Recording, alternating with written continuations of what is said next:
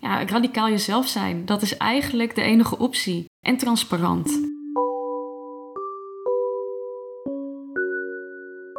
Je luistert naar De Kleine Heldin, een moedige podcast over vrouwelijk leiderschap. Mijn naam is Fatma Genç en in De Kleine Heldin onderzoek ik wat leiderschap is en probeer ik samen met vrouwelijke leiders een nieuwe definitie te geven aan heldinnenschap. Het thema van vandaag is kracht en voor deze heb ik de heldin van vandaag uitgenodigd, Carrie van der Kroon. Dus nou goed, ik heb Carrie van der Kroon gevraagd aan te schuiven, heldin, jurist, auteur, specialist internationale kinderrechten, podcast-host ook van Recht van Spreken, commissaris en fulltime paradijsvogel. um, ik wil eventjes een korte introductie doen voordat we echt uh, de deep, deep, deep uh, talk ingaan. Wat is jouw definitie van moed? Ik denk dat moed voor mij is, denk het eerst aan uh, speaking up en speaking out at moments that matter. Dus je uitspreken op momenten dat het er toe doet en dat je niet stil blijft. Mooi. Kan ik me helemaal bij aansluiten. Ik vind dat denk ik een van de belangrijkste dingen om te leren voor mijzelf op dit moment in mijn leven. Komen we later op terug. Achilleshiel. Wat is je Achilleshiel? Mosh, mijn kat. Ja. Want? Nou, als daar iets mee gebeurt of zo, dan... Uh, ja, nee, ik ben... Uh, hij zegt mijn weak spot. Uh, oh, ja. Echt mijn lievelings. Oké. Okay. Superpower? Het feit dat ik een kleurrijke paradijsvogel ben, denk ik. Brightens up the day and the space. It does. Totally.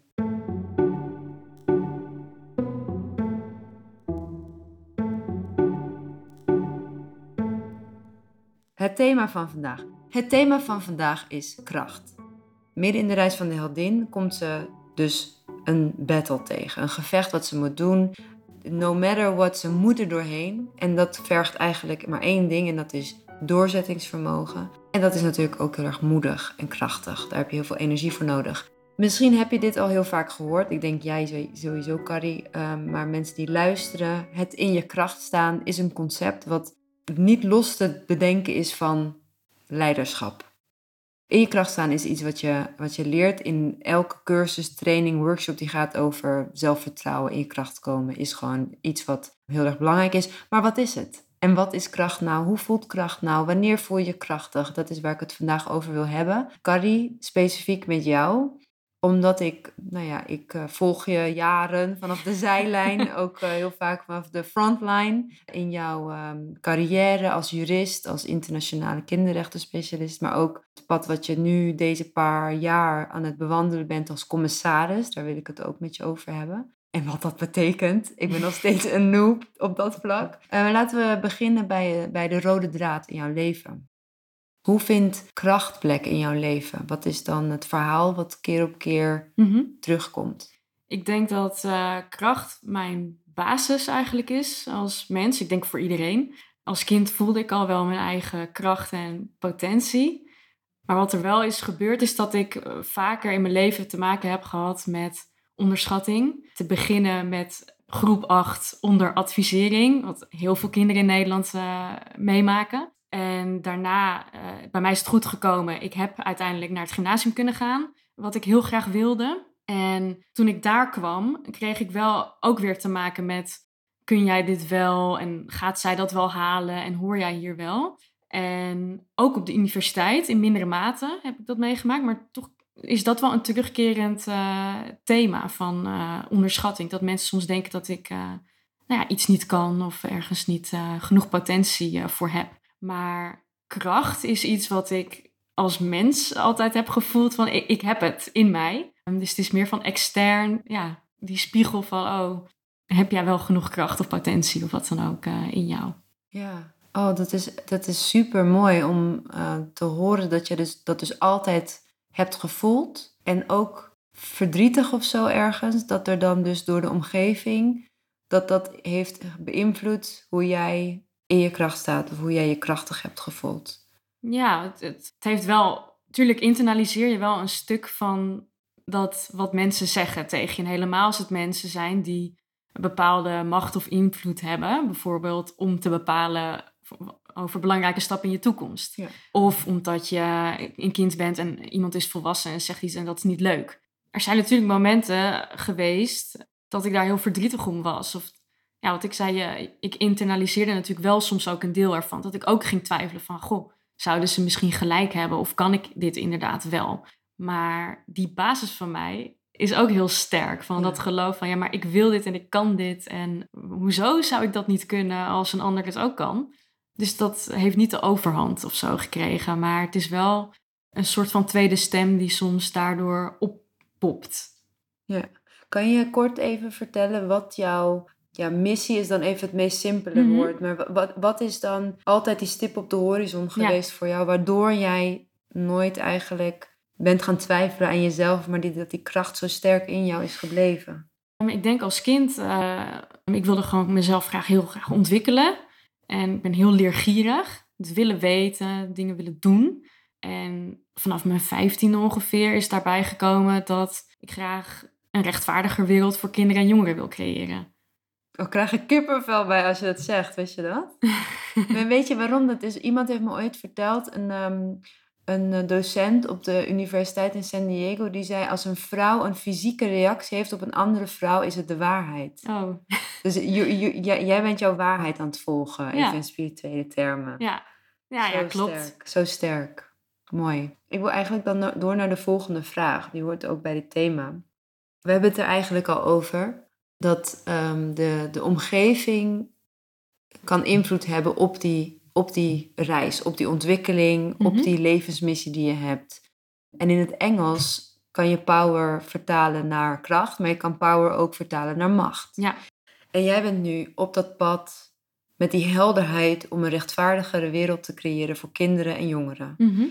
Dan kan ik me voorstellen dat er, en dat weet ik denk ik ook van jouw verhalen, ook van de podcast die jij zelf presenteert, dat er ook heel veel rare, heftige machtsdyna- machtsdynamieken aan het spel zijn. Ja, Hoe ga je daarmee om? ja. Heb je een simpel antwoord? Nee, ik wil geen simpel antwoord. Nee. Ik wil het in geuren en kleuren. Ja, ik deal er gewoon mee van dag tot dag. Ik ehm, laat me niet uit het veld slaan. I stick with the cause, dat is het ook. Ik laat me niet afleiden. En ehm, ik weet soms dat er battles zijn die ik op dit moment even niet kan eh, winnen. En dat er allerlei krachten inderdaad in de wereld eh, spelen die je niet zomaar kunt overwinnen. Eh, maar ik geloof ook dat als je ja, steady blijft werken aan je cause en ook met andere mensen die er ook zo in staan, of in ieder geval oprecht daar ook in staan, dat je wel een heel eind kunt komen. En ik ben ook heel realistisch. Eh, ik ben wel de realistische idealist. eh, van ik weet dat ik in, ehm, nou, in mijn leven bijvoorbeeld het eh, probleem van seksuele uitbuiting van kinderen, dat is een van de thema's waar ik me mee bezig hou, dat dat niet uitgebannen zal zijn. Op het moment dat je je dat ook realiseert, raak je ook niet zo uit het veld geslagen, denk ik, als, er, als het even tegen zit. Van ik weet dat dat er allemaal bij hoort. En dat heb ik ook wel deels geaccepteerd, denk ik. Dat dat erbij hoort. Dat dat is hoe de wereld ook werkt. En dat je daar ehm, ja, mee moet dealen op de een of andere manier. Ja, ja. Dan, dan hoor ik eh, twee dingen, twee elementen die eigenlijk heel eh, belangrijk zijn om in die kracht te blijven. Mhm. E- De een is dus die helderheid van het einddoel Ja. eigenlijk. En ook het leren accepteren van tegenslag. Dus Ja. Niet al, eventjes een hele kinderachtige woorden gezegd, niet altijd je zin kunnen krijgen. Ja, ja, Zeg maar in een wereld waarin we die eh, instant gratification hebben, waarin dat, eh, ik heb daar zelf persoonlijk heel veel last van, dat als, ik, als iets niet gaat zoals ik dat wil, Mhm. dat het dan, eh, nou ja, dat vind ik moeilijk om te accepteren. Maar en dan heb jij binnen jouw veld, jij zit op een heel ander level. Ik heb het Mhm. over persoonlijke, gewoon onplezierigheden, zeg maar. Is het dus key om te leren accepteren dat als het even niet gaat, dat het dan ook oké is, ja. zolang je maar wel dus door blijft gaan voor dat grotere doel. ja. die zo helder is. heroriënteren. Heroriënteren, ja. Nee. Heroriënteren, nieuwe strategie, eh, niet linksom dan rechtsom. eh, even soms eh, pauze, even lay low, zeg maar. Ook, dat, dat weet ik ook. Van, oké, beter houden we ons nu even stil. En dan proberen we het later nog een keer. Of we gaan het via een andere route weer proberen. En ja,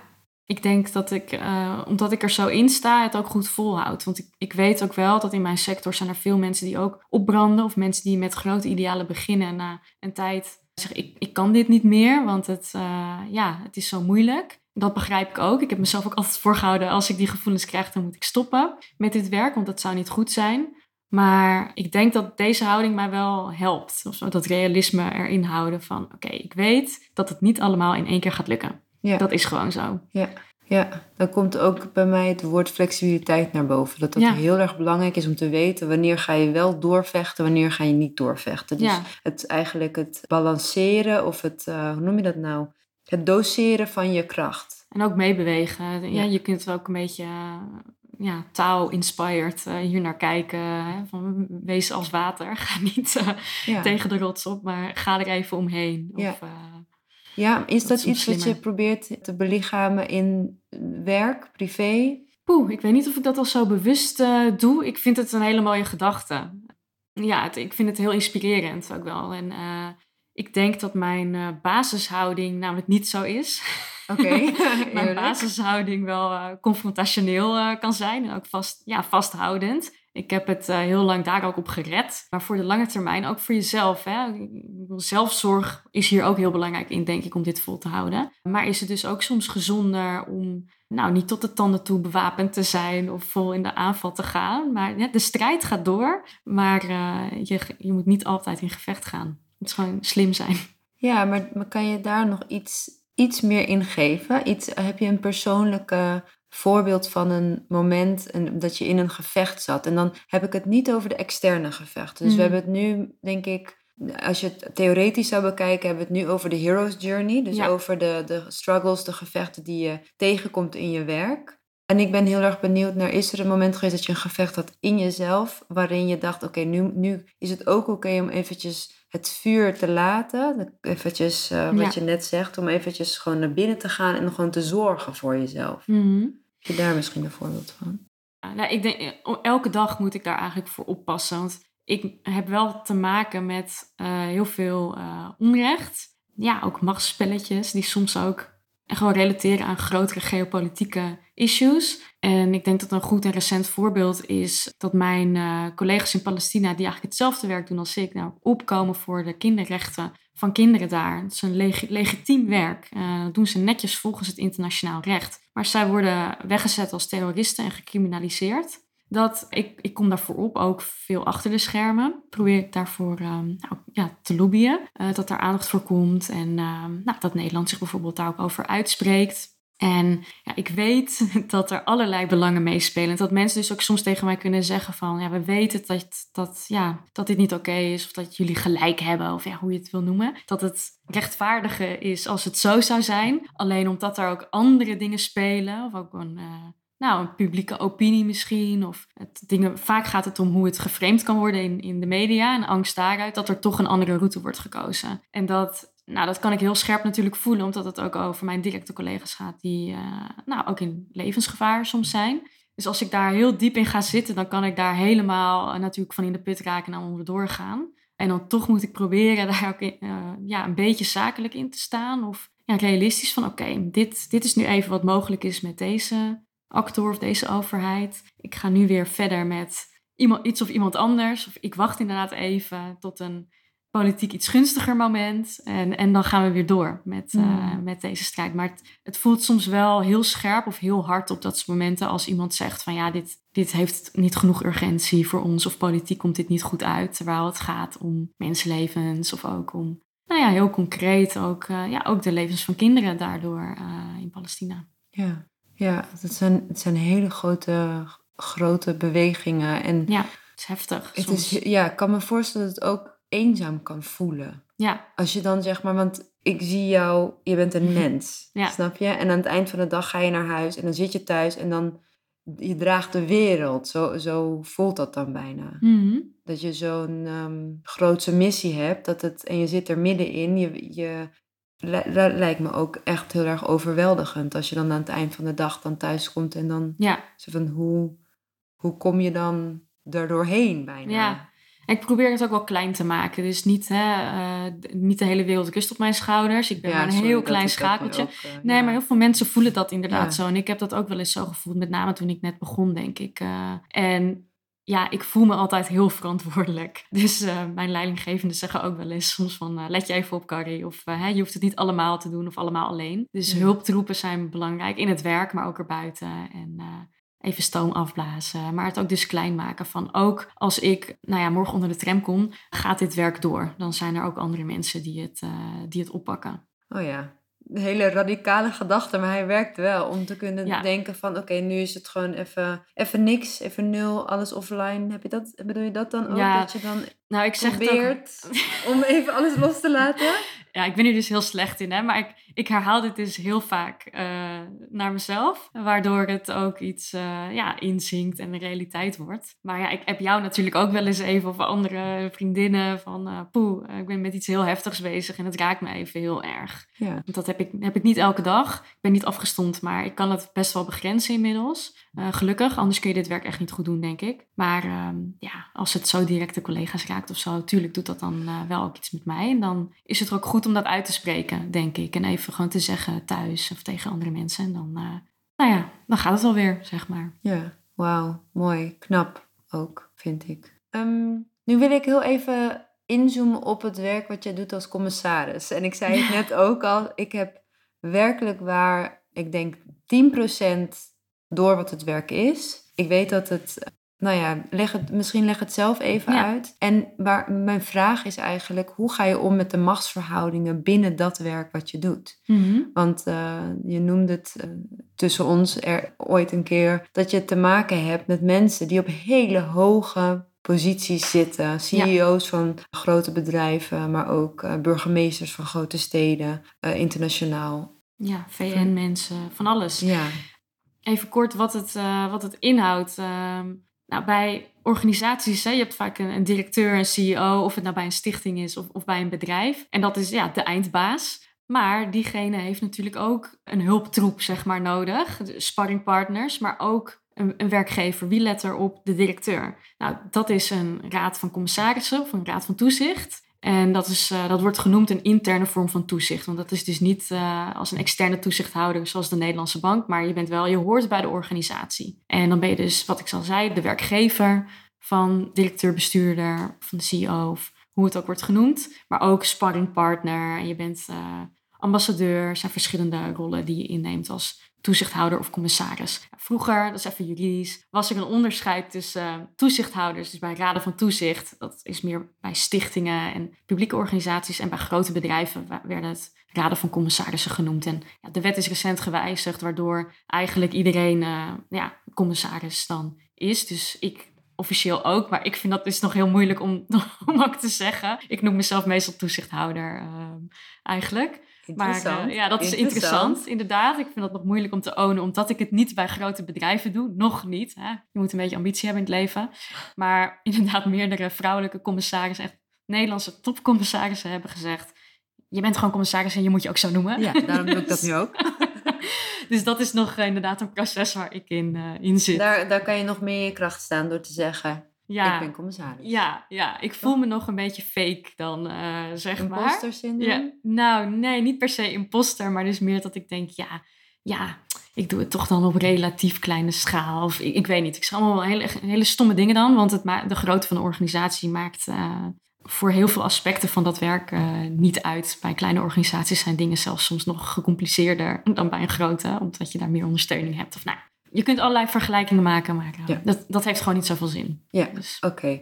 Je bent commissaris. ja, ja het is En- even de onzekerheid die spreekt. Ja, ja, ik ben heel blij dat hij ook aan tafel is. Dat we die ook even eh, krijgen te zien op deze manier. Want het is, ehm, ik kan me voorstellen dat er veel onzekerheid bij komt kijken. Ook, ook omdat je met dat soort A-players te maken hebt en zelf ook A-player Ja. bent. Maar jezelf, dat, ik snap dat je dan op die manier naar jezelf... Ja, ik, ik ben niet de gemiddelde commissaris of toezichthouder. Want? Ik ben enkele decennia jonger gemiddeld. De gemiddelde commissaris in Nederland is 55 plus. Ja. En er zijn heel weinig vrouwen ook in dat veld. Dus ja, ja ik ben eh, vele malen jonger.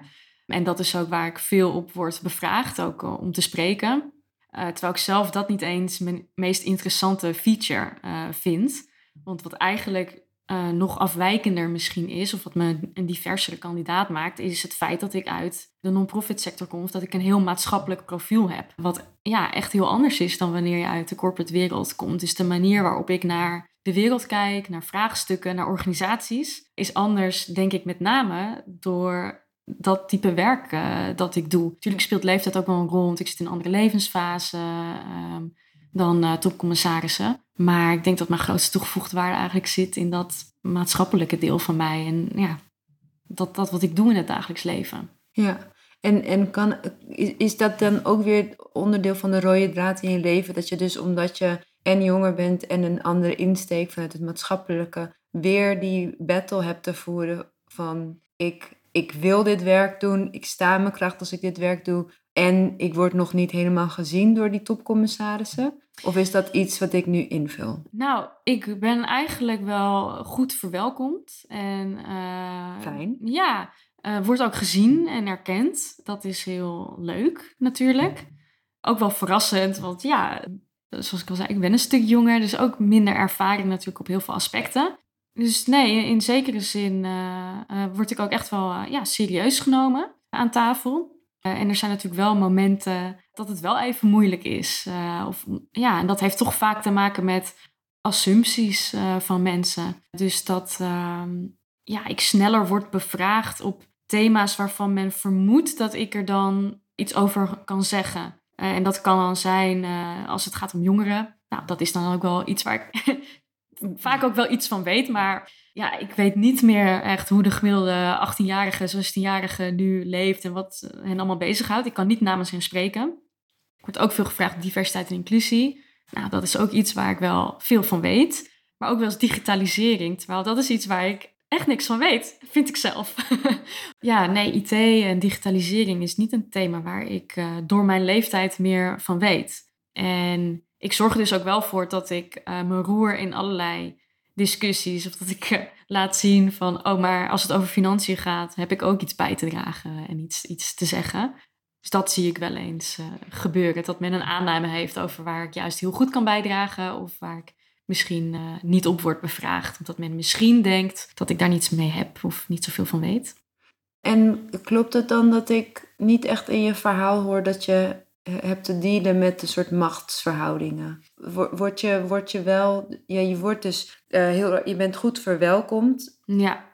En je hoeft je niet, je hebt niet een soort bewijzingsdrang, je hebt niet de ervaring dat je omdat je jonger bent en vanuit het maatschappelijke perspectief dat je wordt overruled of zo. Want, zeg maar, mm. ik ben heel erg op zoek daarnaar. Van hoe ga je daarmee om? Ja. En als dat niet zo is, dan is dat fantastisch natuurlijk.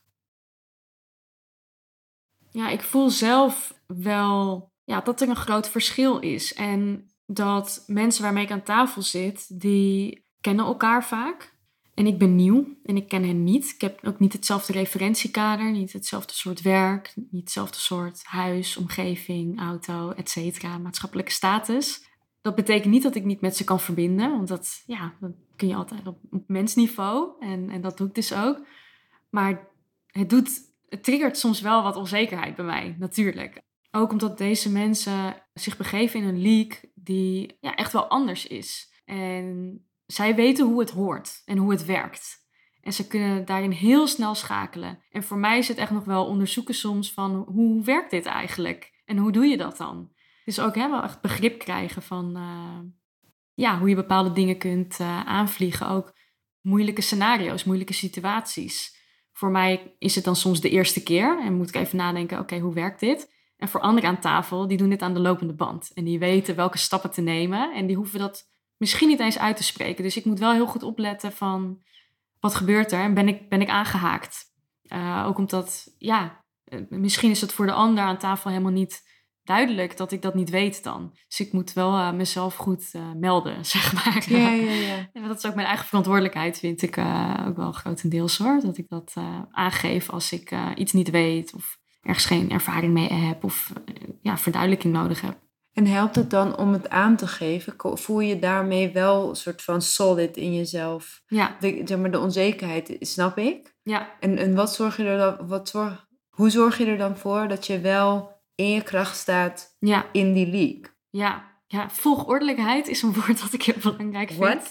Volgordelijkheid. Dus goed weten wat je wanneer kunt vragen en zeggen. Dus je moet geen tijd verdoen op de vergadering met heel oh veel dingen. Als je iets niet snapt, dan moet je zorgen dat je dus vooraf iets checkt of buiten de vergadering om. En nou ja, ik zoek dus ook wel contact soms met, ja, het zijn geen officiële mentoren, maar wel mensen inderdaad waarvan ik dan denk, oké, daar kan ik iets van leren op dit punt of op dat punt. En dan, nou, dan bevraag ik ze ook van, goh, uh, of kun je me steunen? Gewoon echt ook wel vragen om steun. Als ik uh, bijvoorbeeld iets zie of iets wil aankaarten of... Uh, ja, ziet dat iets opgelost moet worden. Of ja, dat ik dat dan denk in ieder geval. Dus ook een mate van kwetsbaar, kwetsbaar opstellen. Ja. Ja, En, eh, zo van openstaan voor leren, ontwikkelen, Ja, weer. Zoals zeker. je dat je hele leven lang al hebt. Ja, en je eerste vraag die ook echt ging over hoe hou je je eigenlijk staande of hoe zorg dat je in je kracht blijft als je met, nou ja, toch wel imposante mensen te maken hebt. Of nou ik vind het soms heel imposant, zeg maar, de mensen waarmee ik dan eh, om tafel zit. Ja, radicaal jezelf zijn, dat is eigenlijk de enige optie. En transparant. I love it. Ja, I love it. Ik kan, ik kan daar echt nog heel veel van leren. Ik merk dat ik bij mezelf, eh, hoe ouder ik word, hoe helderder het is voor mij dat ik een autoriteitsprobleem heb. Dus zodra Oh, ik ook, hoor. zo- zodra ik iemand tegenkom die eh, in status, en Mhm. whatever that may be, meer status heeft, dan maak ik mezelf al kleiner, automatisch. Mm. En dat, dat, dat wringt en daardoor ga ik me een soort van groter, groter gedragen of rebelser gedragen. Dus ik, ben, ik vind het heel fijn om te horen dat je daarin dus eigenlijk een, een modus vindt waarbij je, ja, je dat, dat volgordelijkheid, wat een geweldig woord. ik, zou daar, ik zou daar een soort onderzoek naar moeten doen, want als ik terugdenk aan de momenten dat ik eigenlijk pijnlijke ervaringen heb met autoriteit, dan is dat omdat ik nul volgordelijkheid had. Dat ik gewoon rebels ben gaan schreeuwen en jengelen en boksen en weet je wel, heel, heel eh, Vanuit kind tegen, draads. Ja, vanuit kind zijnde, eh, middelbare schoolleeftijd denk ik Mhm. ook. Maar ook als eh, jonge vrouw in, star, in de start-up scene ja. nog niet zo goed snappen hoe hiërarchieën werken of hoe een, een business überhaupt Ja. werkt. Dus dat vind ik een heel mooi antwoord. Dat hebben we allemaal, hè? Dat, eh, het verongelijkte kind noem ik dat. We hebben allemaal het verongelijkte kind in ons. Eh, en daar, eh, ja, die, moet je niet beteugelen, maar daar moet je wel mee om kunnen gaan. En ervoor zorgen dat die niet op zulke momenten dat dus zoiets eigenlijk van kinds af aan wordt getriggerd. En ik heb ook wel iets met autoriteit, zeg maar. wel een beetje wars van eh, geweest altijd. Om ervoor te zorgen dat die niet spreekt, maar jij als volwassen vrouw. En dat in check houden, zeg maar. Ja, Dat- ja volgens mij master jij dat nu wel. nou, Werk je hard aan. Of ja, en ik probeer er, ja, goed zicht op te krijgen. En het helpt mij dus heel erg om steeds te herhalen van wat ik dus bijdraag in zo'n setting. En, en waar ook mijn limiet ongeveer zit. Nee, ik ben geen CEO van een grote organisatie, maar ik heb hele waardevolle andere ervaringen en expertise die ik kan inbrengen. Dat doe ik ook.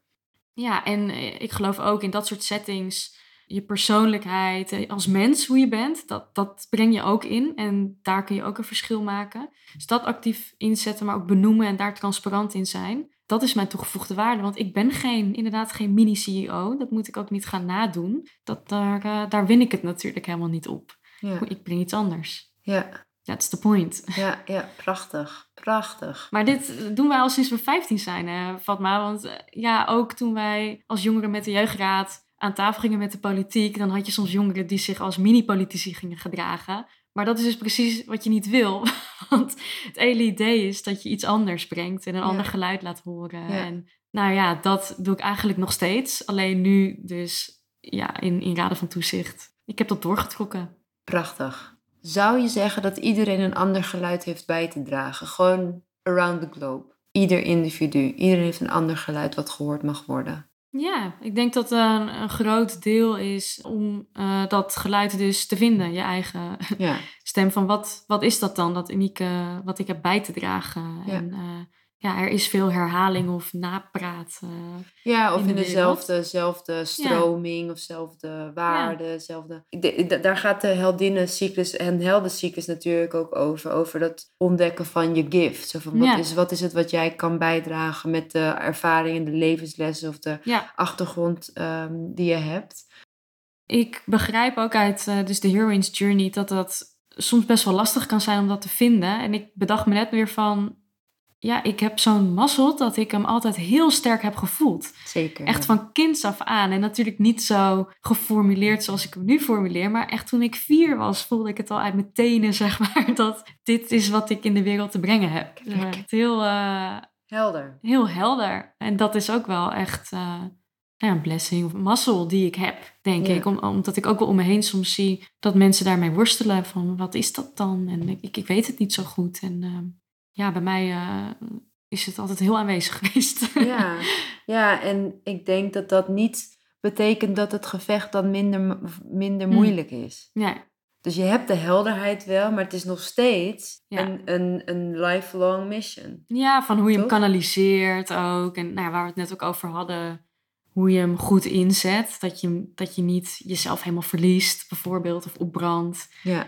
Dat is dan meer het, eh, ja, de uitdaging en, en hoe je hem goed kunt inzetten. Welke wegen je bewandelt, zeg maar. Want je kunt, je kunt op zoveel manieren impact maken van onderzoek doen, wat ik ook heb gedaan en heb geprobeerd, tot en met meer communicatieve dingen die ik nu ook doe, lobby en advocacy en, en, en spreken in het openbaar, in boardrooms plaatsnemen, bij actiegroepen gaan. Er zijn zoveel manieren waarop je het kunt inzetten. Maar dat was misschien voor mij dan meer een grotere zoektocht van hoe kan ik deze kracht goed kanaliseren. ja, mooi gezegd. Heel erg mooi gezegd. En ik denk dat daar ook bij aansluit dat je, als het je eenmaal lukt om te kanaliseren wat de, de grootste kern ervan is, dat Mhm. je dan inderdaad, dan, dan heb je een leven, leven lang om strategieën te zoeken Ja, die daarop aansluiten. Ja, ik vind het wel leuk dat je dat zegt. Want mensen vragen mij heel vaak... Ja, je doet zoveel verschillende dingen of het lijkt versnipperd. Voor mij voelt het niet versnipperd. Want ik leef vanuit die missie en alles wat ik doe staat daar ten dienste van eigenlijk. Ja. Het is altijd met elkaar verbonden. Maar ja, ik heb wel heel veel verschillende strategieën eh, gebruikt. En men vraagt dan ook, ja, wat is dan de ene die je wil inzetten of waar je hem op gaat focussen? Want je moet, je moet altijd versmallen en specialiseren. Op de een of andere manier vinden mensen in deze samenleving. Maar ik heb zoiets Ja. van, nee, dit is mijn missie. En ik heb verschillende tools in mijn toolbox die Ja. ik op verschillende momenten kan gebruiken en waar ik uit kan putten. Oh. En eh, ja, voor mij voelt dat heel logisch. Ja, dank je wel daarvoor. Dat is denk ik ook ehm, wanneer, je, wanneer je spreekt over jouw missie, dan, dan voel ik ook een soort kalmte bij mezelf. Omdat ik denk ik jarenlang bezig ben geweest met één soort purpose te vinden en dat zo specialistisch te laten maken. Mhm. Dat, dat voelt zo veel, eh, voel, dan voel ik zoveel druk. Ja, En ik denk dat heel veel eh, self-help, self-work boeken, trainingen, workshops die er nu in de wereld bestaan, veelal vanuit het Westen, Amerikaanse soort, eh, je moet één doel hebben in Ja. je leven, dat je daarmee uit het oog kan verliezen dat alles wat je doet in je leven ten dienste kan staan van wat, wat in jouw hart ja, zit, wat niet te vatten is in woorden. nee. Dat is nooit te vatten in een soort simpele pitch. Ik heb het Mhm. heel vaak over pitches in deze podcast op de een of andere manier. Dus zeg maar, het is niet een elevator pitch. Het is iets wat blijft groeien en En je hoeft niet vormvast te zijn, vind ik. precies, mooi. Ja. En je hebt een heldere koers. Denk ik, ja. Ja joh, je hebt een hele heldere koers. Echt heel sterk. Echt heel sterk. En dan sterk in de zin van krachtig en kwetsbaar. En ehm, ja, ik vind je echt heel erg moedig. Dankjewel. Ehm, ik ga nog naar de laatste twee korte vragen. Wanneer geef je je kracht weg? Nooit. Heb je nooit het gevoel van, oh ja, Nee, nu is... ben ik mezelf weer aan het wegcijferen of zo? Oh, of op die, die manier. Ja. Nee, maar hoe je de vraag stelt, nee, mijn kracht is van mij en die pakt niemand me af. Eh, Ja. daar heb ik eh, natuurlijk eh, vanaf uh, kinds af aan hard mijn best voor gedaan. Ja. Ik kan het wel voelen als mensen in mijn space kunnen proberen te komen. Of nou, een soort evil eye-achtige.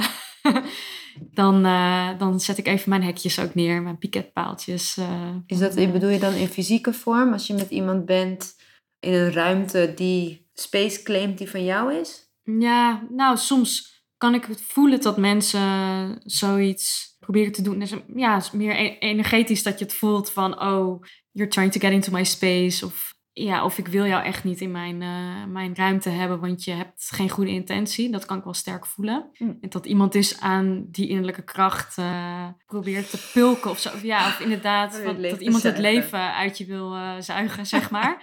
ja, soms heb je dat natuurlijk. Daar, dat, dat voel ik wel meteen. Dan denk ik, oeh, die wil ik van me afschudden. Of ik, Oh, ik zorg even dat ik wel de, de juiste afstand bewaak. Ja.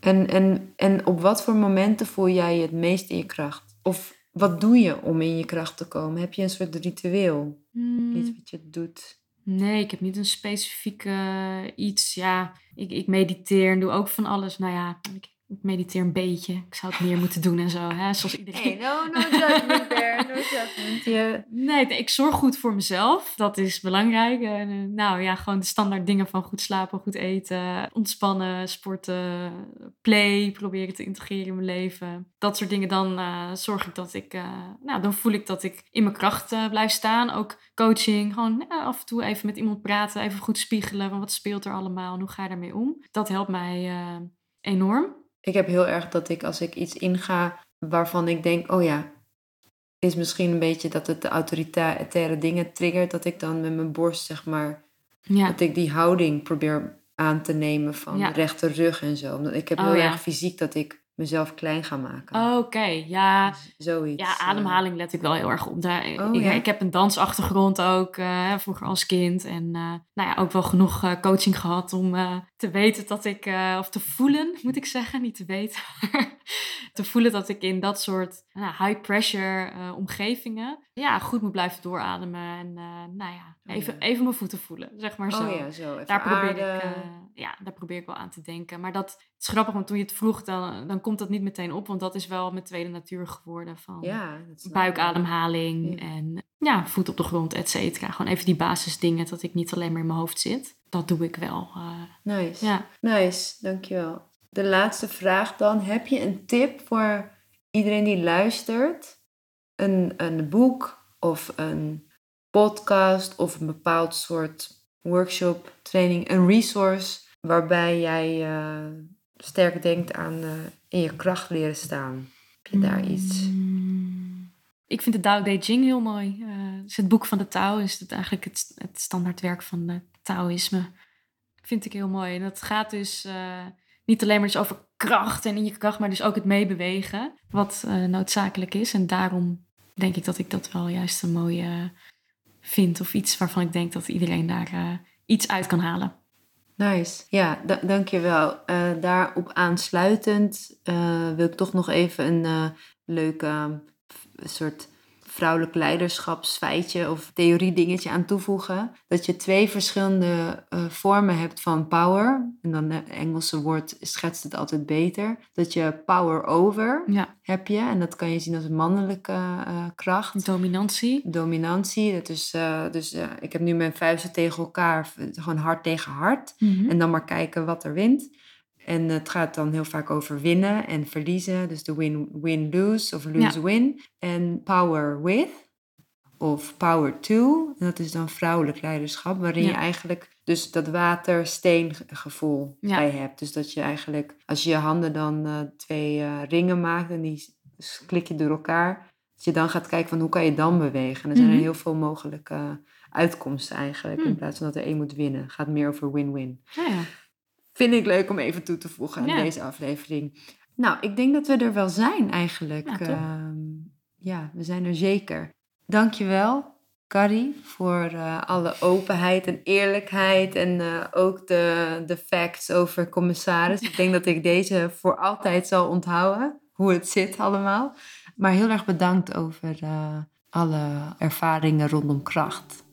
Dankjewel. Leuk dat ik hier mag zijn. Hier mag zijn. Hier mag zijn.